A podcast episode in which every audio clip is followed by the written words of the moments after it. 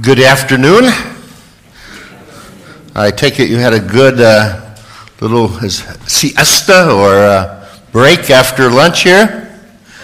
That's power nap. That's always good because if you have a lecture right after lunch, you can put both the uh, uh audience, the auditors, and the uh, speaker to sleep. So, uh, no excuse for sleeping this afternoon, I hope. And, um, and so let's dig right into the topic at hand.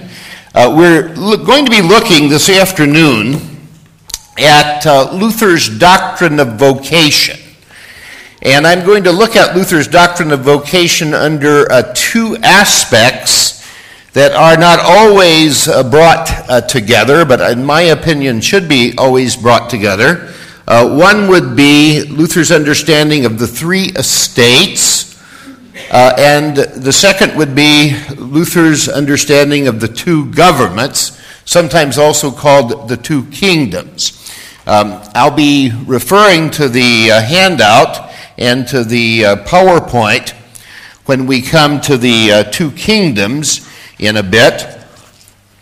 But before we go to the two kingdoms, I want to actually uh, do a little work here this afternoon uh, with the doctrine of vocation from the perspective of the three estates.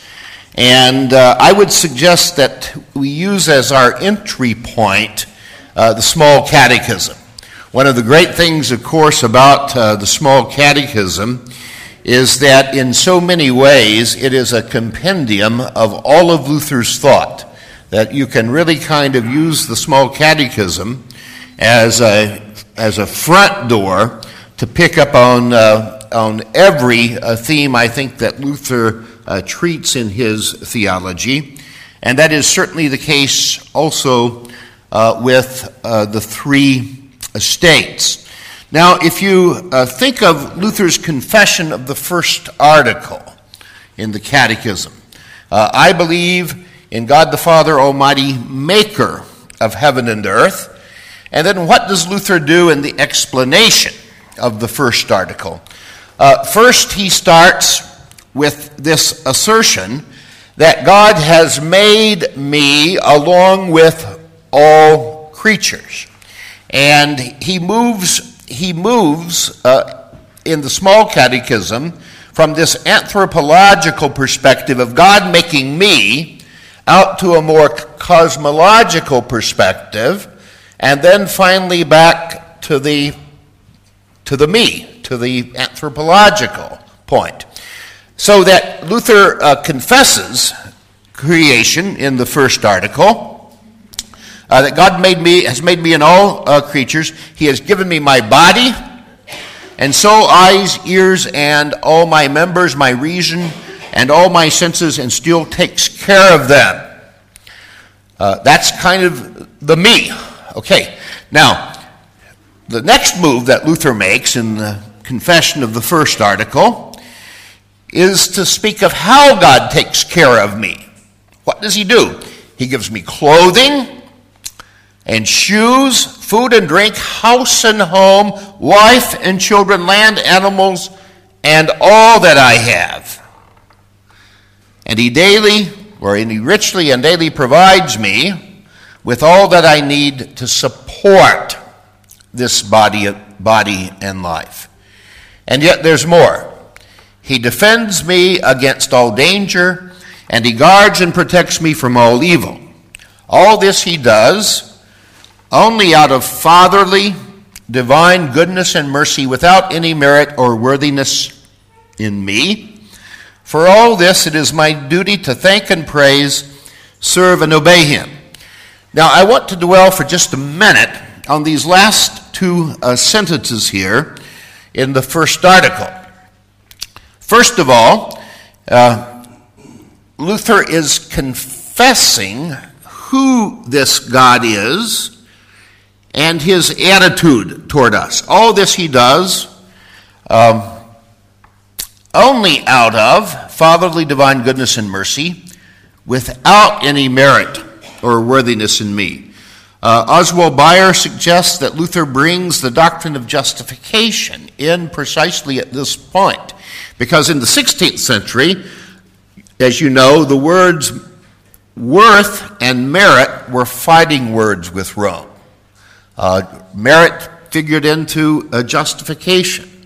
Uh, worth had to do uh, also with justification and the Lord's Supper. Now, Luther is saying in uh, the Catechism that God has actually created me simply out of His mercy, out of His goodness, uh, His paternal, His, his uh, paternal mercy and goodness, without regard to worthiness or, or merit in me. And then Luther comes to this interesting uh, phrase For all this, it is my duty to thank, praise, serve, and obey Him. And he stops there. He lets it hang.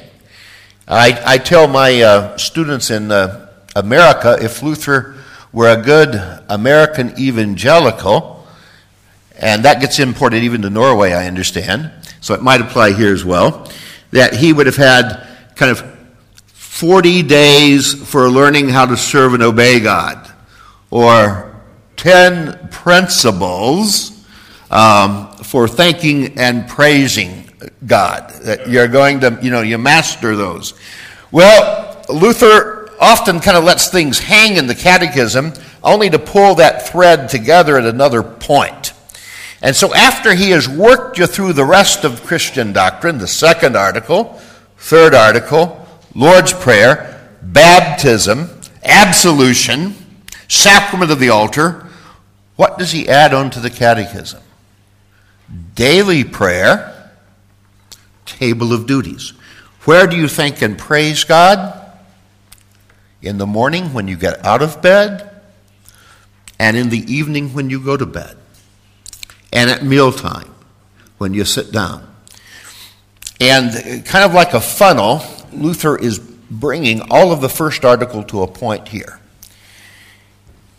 It is most clear that we are creatures and not creator by the fact that we sleep and we eat. Uh, the Psalms tell us that the Almighty neither slumbers nor sleeps. But what happens when you go without sleep? Even with generous doses of Norwegian coffee, you're finally going to have to just collapse and fall to sleep. You know, you can't simply keep going. Uh, as a perpetual motion machine. Rest is required. And hopefully, when you go to sleep, you get up. They have a word for it. If you go to bed and you don't get up, it's called death. And so you get up in the morning and you go to your work. And then you go repeat the, the cycle again. And so in the small catechism, Luther has this little liturgy at the beginning of the day, and at the end of the day. In the morning, you get up, he says, and you bless yourself in the name of the Father and of the Son and of the Holy Spirit, making the sign of the cross. Uh, you confess the creed, you pray the Lord's Prayer, and then this little morning prayer, which is known as Luther's morning prayer, uh, because again, that prayer draws together so much that's already there in the Ten Commandments, the Creed, and uh, the Lord's Prayer in the Catechism. And then Luther says, Go to your work singing a hymn like that on the Ten Commandments. And at the end of the day, in the name of the Father, and of the Son, and of the Holy Spirit, the Creed, the Lord's Prayer, evening prayer, and then he says, Go to sleep at once. Uh, I was talking to a former missionary to New, Papua New Guinea, and he had. Uh, interviewed a lot of the converts in our Lutheran church there, and one of the old elders, when he asked him, What is most significant about the Christian faith for you? The gospel. And the old elder said, I can get a good night's sleep. Not a bad answer. I can get a good night's sleep. In a culture that was dominated by uh, fear of nightmares or dreams or maybe even attack from another tribe, you can lay down and go to sleep and be at peace because you know your, your life is held in the embrace of your Heavenly Father. And, and so uh, Luther locates praise and thanksgiving morning and evening. And then the other point of our creatureliness is the fact that we need food. Uh, the psalmist says in Psalm 50, or God says through the psalmist in Psalm 50, If I were hungry, would I tell you? The cattle on a thousand hills are mine. And um, human beings, when they work with the religious ego of the old Adam, for some reason always think they have to feed God. You know?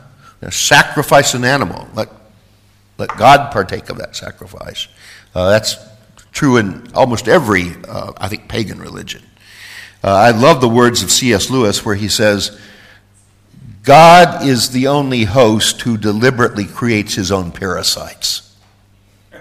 Uh, we are the ones that God feeds. He opens his hand and satisfies the desires of every living thing.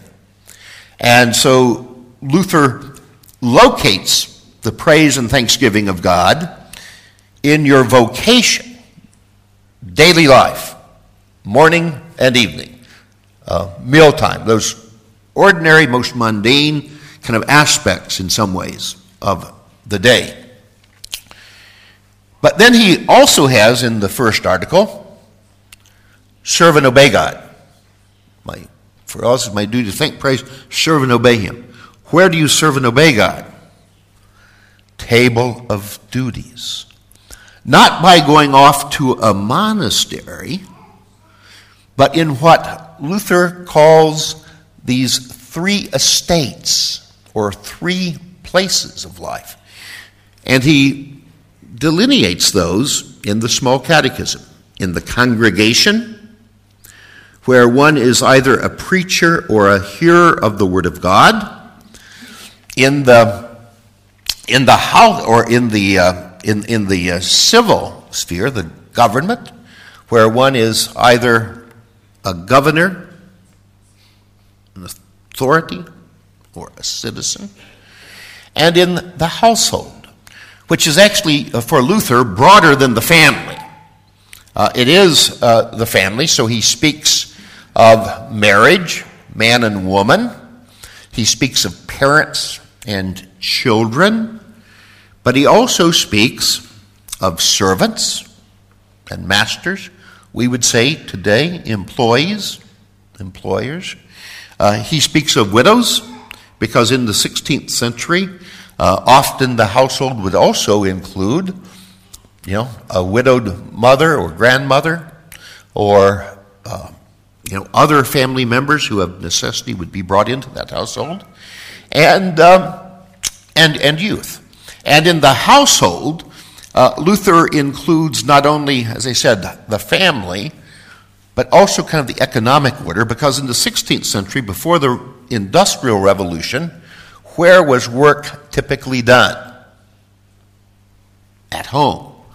Family farm, uh, the cobbler who had his shop downstairs and his family lived upstairs. Uh, work was not separated really from family. I also think, even though that was a kind of a cultural reality, for Luther, it was also a theological reality because what is the purpose of daily work in the first place? To serve your nearest neighbor, the people who live under your roof. And so Luther brings all that together in the table of duties. Now, um, behind the table of duties, we have what Luther would refer to as the three hierarchies or the three estates. He borrowed this language from the medieval tradition as a way of delineating stations or structures that human beings occupy within an ordered community. Uh, and in this ordered community, human beings have responsibility to discharge particular social duties. Much of this was actually kind of borrowed from uh, Aristotelian ethics that would speak of these places of responsibility. That's the reason Oswald Bayer's refers to the table of duties or to the uh, three estates as three fundamental forms of human life. And uh, Luther would often write about the three estates. In um, 1528, just one year before he prepares the Catechism, at the very end of his uh, large treatise on the Lord's Supper, concerning uh, the confession concerning Christ's supper, he declares the holy orders and true religious institutions are these three the office of priest, the estate of marriage, the civil government. And then he goes on to say that faith is not bound to any particular order or estate, but is found in all three. And he makes the point that none of these three estates form a path to righteousness before God, but rather they are the places, the concrete places, where faith is exercised in love. And then Luther goes on to give a, kind of a deeper uh, exposition of these three estates. He does something similar in 1530 in his commentary on Psalm 111, where he talks about the three estates will, uh, as instituted by God in creation and how they will continue uh, to the very end of the world and how they are upheld by God's word. They're instituted uh, by, by, God's, by God's word. He comes back to the three estates, 1539, on the councils and the church, where he identifies these three hierarchies as ordained by God. It's interesting here that Luther uses language very similar to the language he uses when he talks about God instituting baptism and Lord's Supper. Uh, or as Bayer puts it, the Word is joined to the creaturely element uh, in the three uh, in the three estates. And also in the, the uh, 1539 piece on, council, on the council and the churches, Luther argues that these God ordained estates stand in opposition to what he calls the self chosen works of religious, uh, religious orders. And that really kind of take, does take us back then uh, to the table of duties in the small catechism. How does Luther introduce the table of duties? Certain passages, he writes, of Scripture for various holy orders and positions, admonishing them about their duties and responsibilities. Did you catch the polemic there? Certain Bible passages concerning various holy orders. The holy orders, in other words, are not simply monastic or priestly orders, they are the holy orders of congregation, of civil government, and of the domestic life, the family, economic life. And, um, and, and here you see Luther beginning to shape not only a new piety, but a new approach to vocation. And I would uh, summarize it like this uh, in a hopefully kind of in a brief way. The medieval system was a two track system.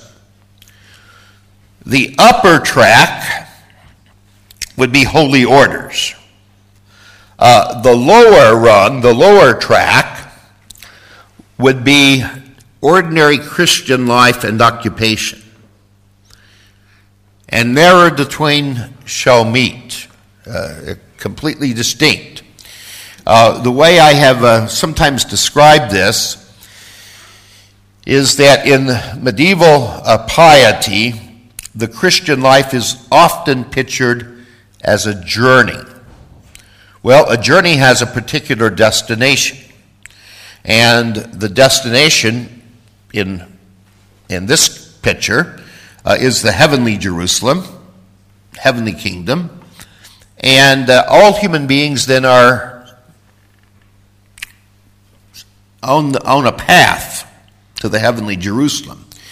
If you go the holy orders route, that's kind of the superhighway. Uh, no stop signs, no detours, four lanes, uh, no speed limits. Uh, you don't have uh, to be worried about these little bumps in the road like family and paying taxes and engaging in economic exchange uh, because you're living in a way that has been a, a way of withdrawal, really, from the world. Those are the holy orders. And the holy orders were said to be governed by the evangelical precepts, those hard sayings of Jesus uh, from the Sermon on the Mount. You know, where Jesus says, if uh, uh, your, uh, you know, if, if somebody asks for your, uh, your overcoat, you give him, or your coat, you give him your overcoat, your tunic as well. Uh, that uh, said unto you of old, you shall not commit murder, but I say unto you, you are not to hate the brother in the heart. Similar words with adultery. Those evangelical precepts uh, were fulfillable only by those who had the charisma, the grace to fulfill them, and they were said then to be the monks and the nuns who had dedicated their life to a holy order. That was vocation. Ordinary Christians uh, lived by the Ten Commandments, and they weren't traveling the superhighway, but they were going the back roads.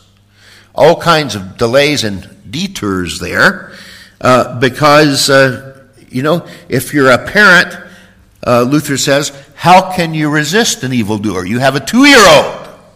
Uh, parenting doesn't work very well if you simply apply the principle turn the other cheek. Uh, I mean, the kid will become king, you know? Uh, so Luther says, no, uh, you know, uh, you, you can't live life like, like that. And you don't have to. Uh, you don't need to do that. Uh, the doctrine of justification dismantles this whole two tier track. all have sinned and fall short of the glory of God, and all are freely justified uh, by His grace.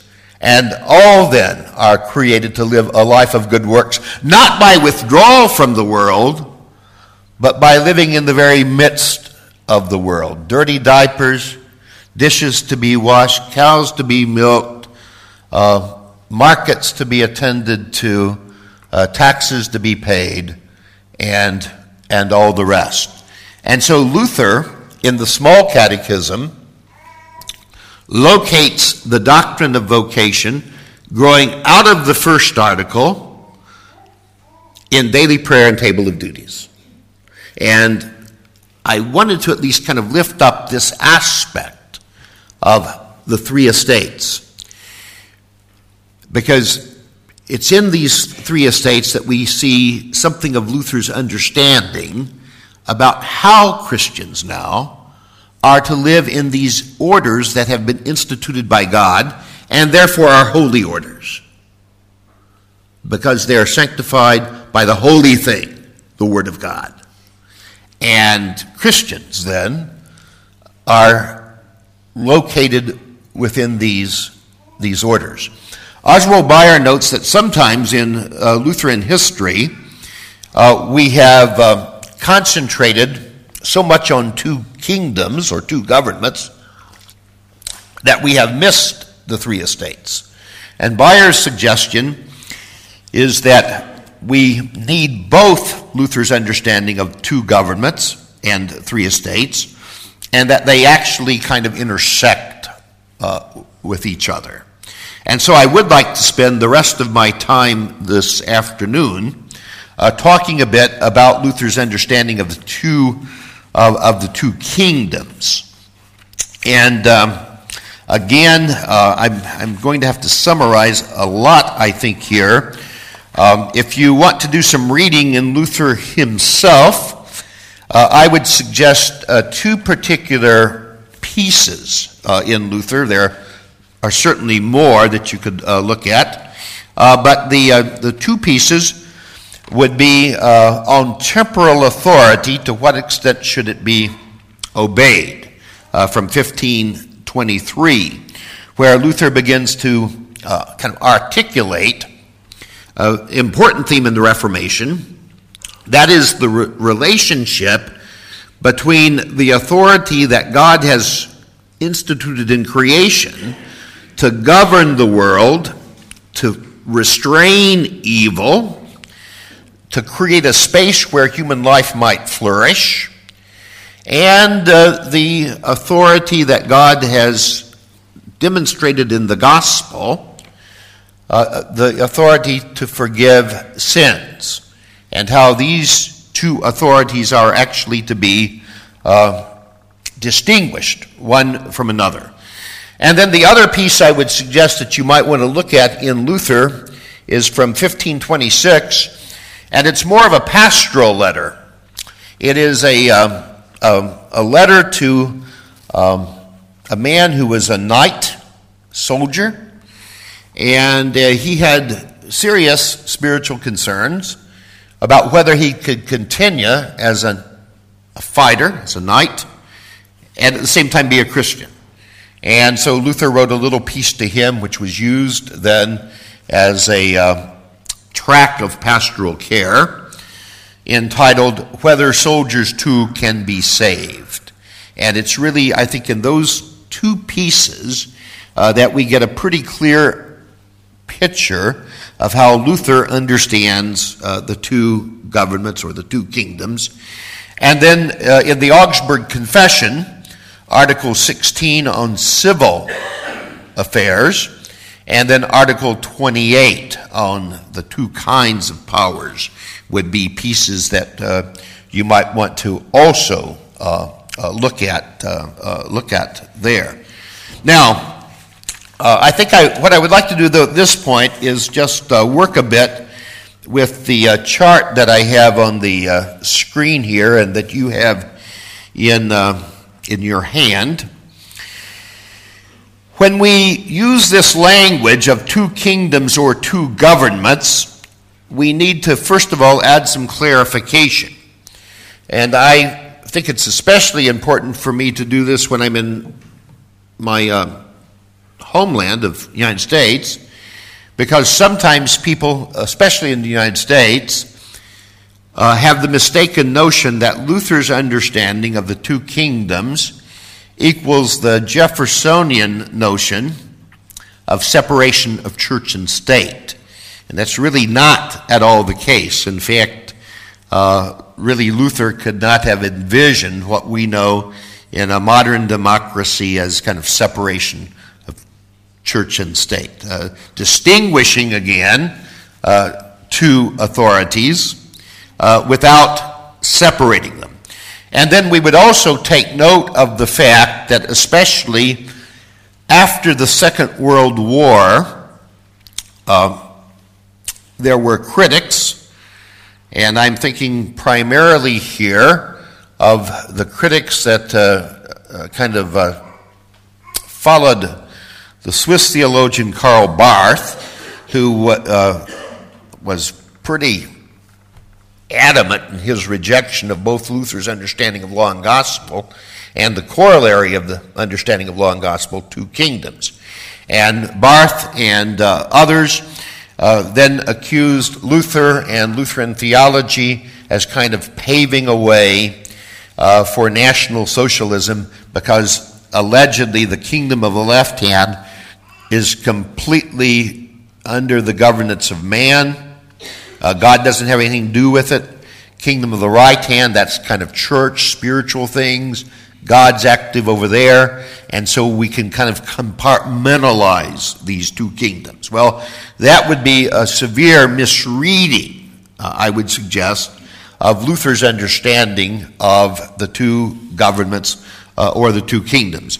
And it was especially then British uh, theologians and some theologians in North America who uh, picked up on the Barth uh, criticism. But then, in response to that, there was quite a steady stream of Lutheran scholarship that actually defended Luther's understanding of two kingdoms. Uh, Anders Nygren from Sweden wrote a particularly important tract. Uh, Heinrich Bornkamm from, uh, from, from Germany uh, also engaged, uh, engaged that, uh, that, that criticism. But in Luther's understanding of the two governments or the two kingdoms, it is God who is governing both kingdoms. You see, that's the reason at the top of the chart I have God both giving and ruling. In the kingdom of the left hand, in creation, and in the kingdom of the right hand, redemption. In one of the last sermons that Luther preached, uh, late 1545 or early 1546, a sermon on Psalm 8, Luther described these two kingdoms as the kingdom of the eye and the kingdom of the ear. He described the left hand government of God as the kingdom of the eye. And why would he do that? Well, the eye is the organ of visual, appre- uh, uh, uh, visual uh, apprehension, what you see, uh, what you see. And the eye is very much active in the uh, government of God's right hand. The government of God's left hand he describes as the kingdom of the ear. It's not a kingdom that you have by sight. I mean, you, you can be in Norway or United States or Great Britain. You can kind of see borders there, right? Uh, you can see the king or the parliament or Donald Trump. Huh? Uh, uh, sometimes too much so, maybe. But uh, uh, you've got the eye, what you see. Uh, detectives, policemen, judges deal with what they see, looking at evidence, the eye. Uh, supervisors, looking over things. Uh, you, you need the eye to, to make, to create uh, things in, in the kingdom of the left hand. But kingdom of the right hand, Luther says, kingdom of the ear. Because faith comes by hearing, and hearing the word of Christ. And I think we can look at these two governments or these two kingdoms in terms of contrasting realities. God is governing the kingdom of the left hand by the law. Romans 13. You know, Caesar does not carry the sword as a decorative piece. He carries the sword to punish evildoers. Uh, the, the political, you know, Luther's understanding of the political use of the law, that the law curbs it keeps this old world from going into complete chaos. For Luther, even the worst form of government was better than anarchy, because in anarchy, no, nothing is safe. Yeah? Uh, you might have a bad king or a bad parliament or a bad government, but even there, with those kinds of broken and rusty tools, God is at least working to protect human life, to sustain some kind of order in society. And that's the work of the law. Kingdom of uh, kingdom or government of the right hand, God governs his holy Christian people by the preaching of the gospel of Jesus Christ. The law works retribution. Uh, Werner Elert observes that you cannot understand the law without retribution. The law says if you do this, there are consequences. there are threats, there's punishment. The gospel does not work with condition or retribution, but by the announcement of the forgiveness of sins. Works have their place in creation. There we evaluate works in terms of what they accomplish. We, we reward works. Uh, you go to work and you rightly expect a salary for a week of labor. Um, and you rightly recognize that certain occupations have better remuneration, uh, depending, uh, you know, based on capacity and performance and skill. That's all in the kingdom of the left hand. Kingdom of the right hand, it's not works but faith alone. Faith only receives what God gives in the gospel. In the kingdom of the left hand, you have reason. And here it's interesting again to look at Luther in the uh, small catechism on reason, in the, his exposition of the Apostles' Creed. A few minutes ago, we noted his explanation of the gifts of God in creation. And one of those gifts, he has given me my reason and all my senses. And then you get to the third article, and what does he say about reason? I believe that I cannot, by my own reason or strength, believe in Jesus Christ, my Lord, or come to him. When it came to the place of reason in creation, Luther could praise reason. He could say that reason is that one endowment that separates man from the animals, uh, that makes man noble, even godlike. But when it comes to reason in the sphere of faith, Luther will use such language as reason is the devil's whore. Reason there can't be trusted.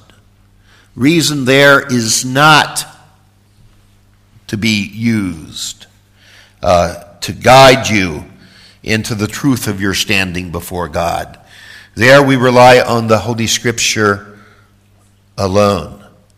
In the kingdom of God's left hand, He is working for preservation.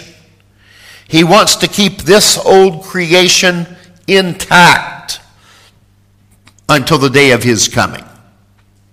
Uh, in the kingdom of the left hand, he is not working to bring in a kind of utopia or a heaven on earth.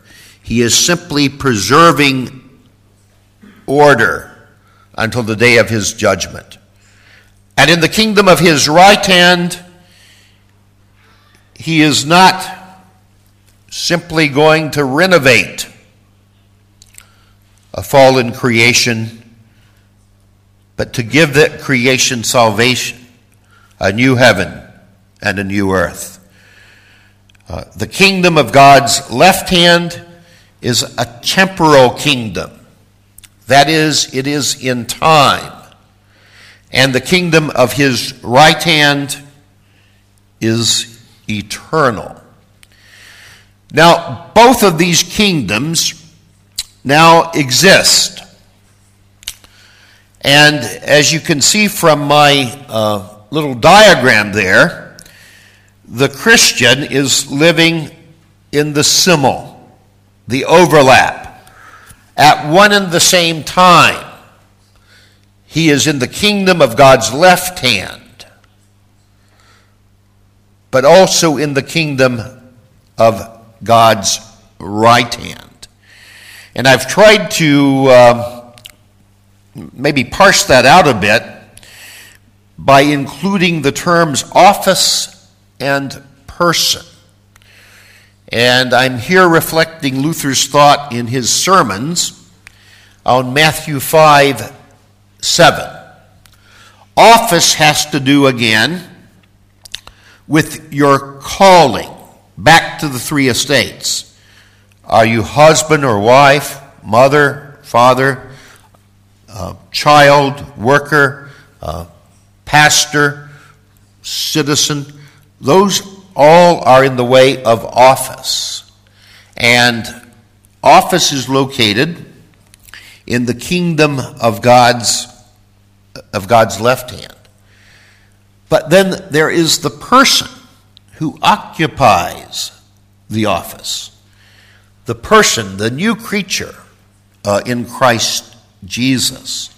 The one who is living not by works, but by faith. And yet, it is that person who is living again in this kind of overlap here. Um, as justified by faith in before God, and yet also now accountable in this life uh, to the authorities of this age. Now, uh, another kind of feature here of Luther's understanding of the two governments that I would want to um, um, comment on uh, can be seen from the bottom of the diagram. Satan is at work attacking both governments. Uh, Luther says that Satan delights in mixing and stewing the two governments together so that princes attempt to do what bishops are given to do, and bishops attempt to do what princes are given to do. And the stewing and mixing of the two kingdoms, Luther says, is a fundamental confusion of law and gospel. Uh, the two kingdoms keep law and gospel straight. Satan is attacking both kingdoms, attempting to bring disorder in the kingdom of the left hand and attempting to destroy the faith of those who are living in the kingdom of the right hand. Uh, one of the places, again, you might look uh, in Luther for this is his exposition of the conclusion of the, the, Lord's Prayer, deliver us from evil, rather, the seventh petition, excuse me, uh, deliver us from evil, in both the small catechism and the large catechism. Uh, what do we pray for when we pray the seventh petition of the Lord's, uh, of the Lord's Prayer? Well, Luther says we pray this petition um, as a kind of summary. We pray in this petition as in summary, that our Father in heaven would rescue us from every evil of body and soul, possessions and reputation, and finally, when our last hour comes, give us a blessed end and graciously take us from this valley of sorrow to Himself in heaven. Well, there you have the attack, every evil, body and soul, possession and reputation. Uh, Luther expands on that, by the way, in the large catechism, and he says that Satan cannot rest when we are enjoying our daily bread and peace. And he's always attempting to undercut this life that God has given us in creation. Even driving some, he says, to despair and suicide, breaking backs, causing famine. You know, all kinds of things that Satan is attempting to do in his attack on the kingdom of the left hand. And then in the kingdom of the right hand, he is the accuser, attempting to undermine faith, attempting to pull you away uh, from the gospel of Jesus Christ.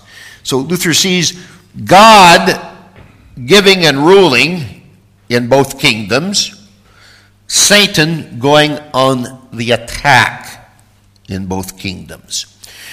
Now, as we think about two kingdoms, two governments, and doctrine of vocation in Luther, I want to talk a little about the simul. Uh, we use this language, simul justus et peccator, simultaneously righteous and sinner. which is, in fact, another way of saying that the Christian, this side of the resurrection, is living under both governments. The old man who still sticks with us is very much located under the kingdom of the left hand.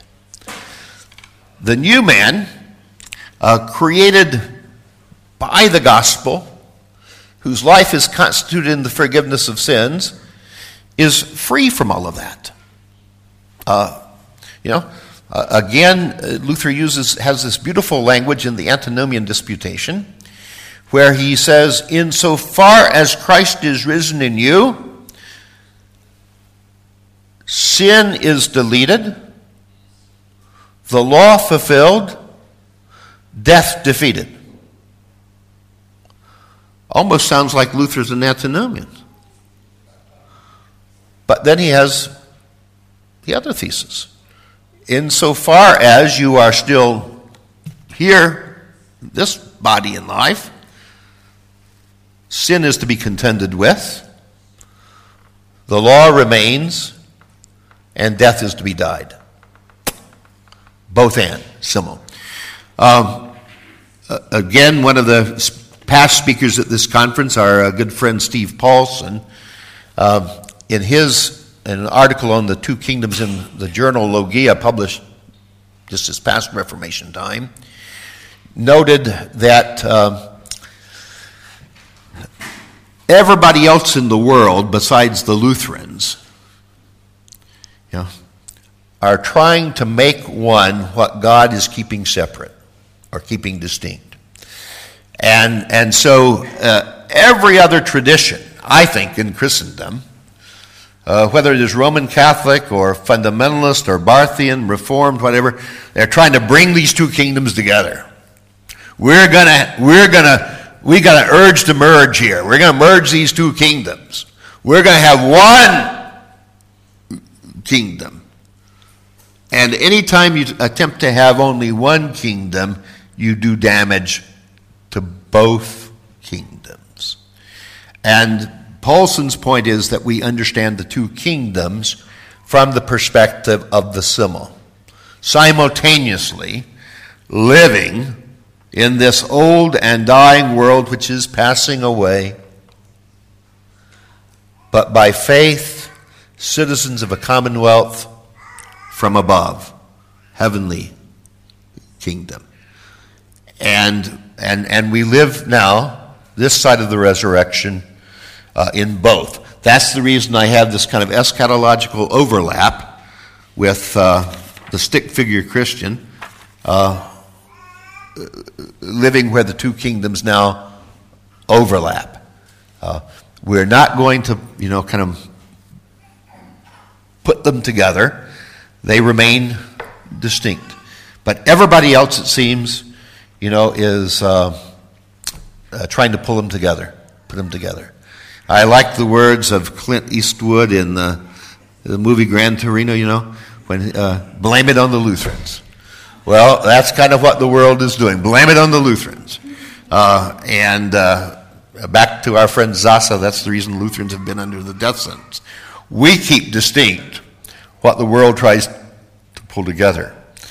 And really, with Luther's understanding of three estates, two kingdoms, kind of coming, coming together in a helpful kind of uh, uh, way here, we have space then uh, for joyful and, and free Christian faith exercised in love in the world. Uh, we recognize, in other words, uh, that God has not pulled us out of the world. We don't have to go into the monastery to serve God. And we're not, uh, uh, we're not going to be neo monastics either. My friend back in the States, Hal Senkbeil, uh, has described American evangelicalism, and I think you can draw the parallels down here, as a kind of neo monasticism. If you're a Christian, it means you kind of pull yourself out of the world and your only concern is kind of life in the church. And then when we start talking about vocation, The only meaningful language is, well, what am I doing in the church? Am I an usher or a pastor or a deaconess or a missionary? Uh, do I serve on the evangelism committee? Do I give to the Bible Society? Uh, but what I do, uh, kind of 9 to 5, Monday to Friday, really doesn't count for much. Uh, that's not Lutheran. No, the Lutheran lives in the world because the world is now the place where the neighbor needs to be served. And we serve Christ by serving Him who stands behind the mask, as Christ stands behind the mask of the neighbor. One of the other pieces that we haven't looked at here, uh, could look at a little more in, uh, in, in, Luther, is his um, little commentary on Psalm 127 that he dedicated to the Christians in Riga in 1524. And there again, in that little commentary on Psalm 127, remember, Psalm 127 is the psalm uh, where the psalmist says, Unless the Lord builds the house, those who labor, labor in vain. Uh, but Luther does a couple of things in that commentary. One is he says that God is working to build the house through the mask of the, of the carpenter, the mask of the builder. And Luther likes to use this language of mask or covering.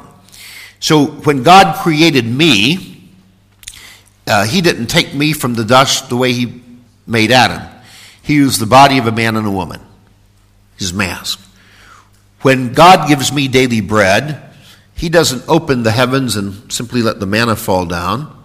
He uses a farmer and a cook uh, and a truck driver and all the other kind of occupations that are needed as his instruments. And, um, and, and so Luther sees again God working in both realms, both governing and giving. And then we understand ourselves in whatever earthly occupation we have as God's mask, uh, God's instruments. And then at one point, Luther says, We are daily bread one to another. Great phrase. Uh, that, you know, as a teacher, uh, I can't teach unless I have students. And in that sense, students are my daily bread. And at the same time, hopefully, I am daily bread to them in terms of imparting knowledge and, and, and, and, and skill that they can use in, in, their, uh, in, in their work. So, vocation for Luther is not limited simply to a religious kind of occupation. It's lived out, again, you know, under the rubric of both kingdoms and in the three estates. And, um, and that's why he includes this material in three estates in the catechism. And he talks about the three estates as, as I said, uh, the congregation, civil government, the domestic or the household uh, sphere. And he has Bible passages then that speak to our responsibilities in these uh, three estates. Uh, because the Christian life for Luther is a worldly kind of life. It certainly has a heavenly destination, but God does not simply evacuate us from this world when we, the moment we are baptized or the moment we come to faith. He reinserts us in the world uh, to serve the neighbor. And and so this is then the arena that we also talk about the life of good works. God, Luther says, doesn't need my good works, but the neighbor certainly does.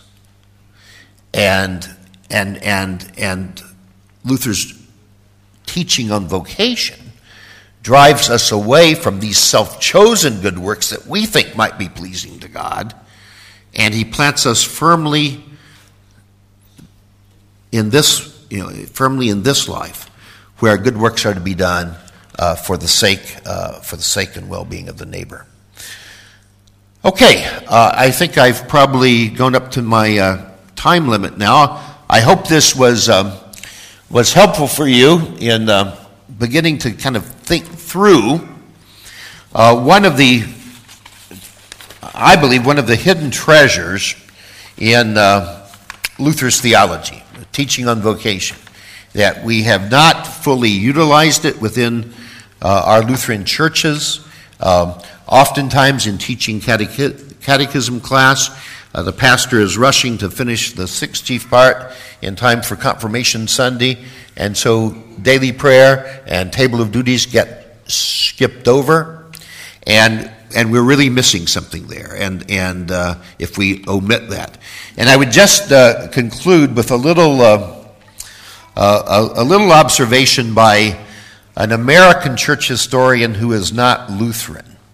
Uh, the uh, historian Mark Noll, and he did an article in the journal First Things a number of years ago, where he was asked as a outsider to give his estimation of Lutherans.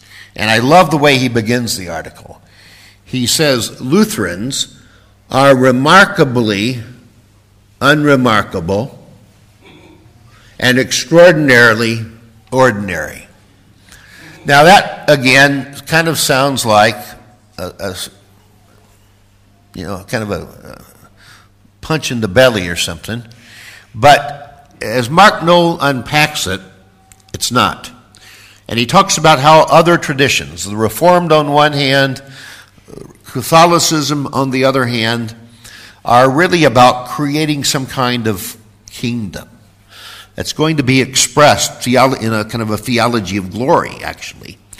And he says that Lutherans really attend to the ordinary life. Uh, that they aren't kind of, you know, in uh, the race uh, to make a name for themselves or to create some kind of utopia. But the Lutheran way, he says, is very simple, characterized by two words faith in Christ and love to the neighbor. And faith that is active in love is active then precisely in this world, not to bring about salvation, that's a given. Uh, and that's the freeing aspect, you see, of this Lutheran understanding of justification and vocation is precisely here. You already know the end of the story. The last chapter of your life has already been written. Uh, Hermann Sasse once said of the absolution that when the absolution is spoken, the verdict of the last day is announced ahead of time. Uh, you are forgiven. You have the righteousness of Christ. It's been imputed to you. You can't get any more righteous than Jesus. Don't try. Simply get used to his righteousness. And as you get used to his righteousness, you're going to be living righteously toward the neighbor in the places where God has called you. Two kingdoms, three estates, simul. Thank you.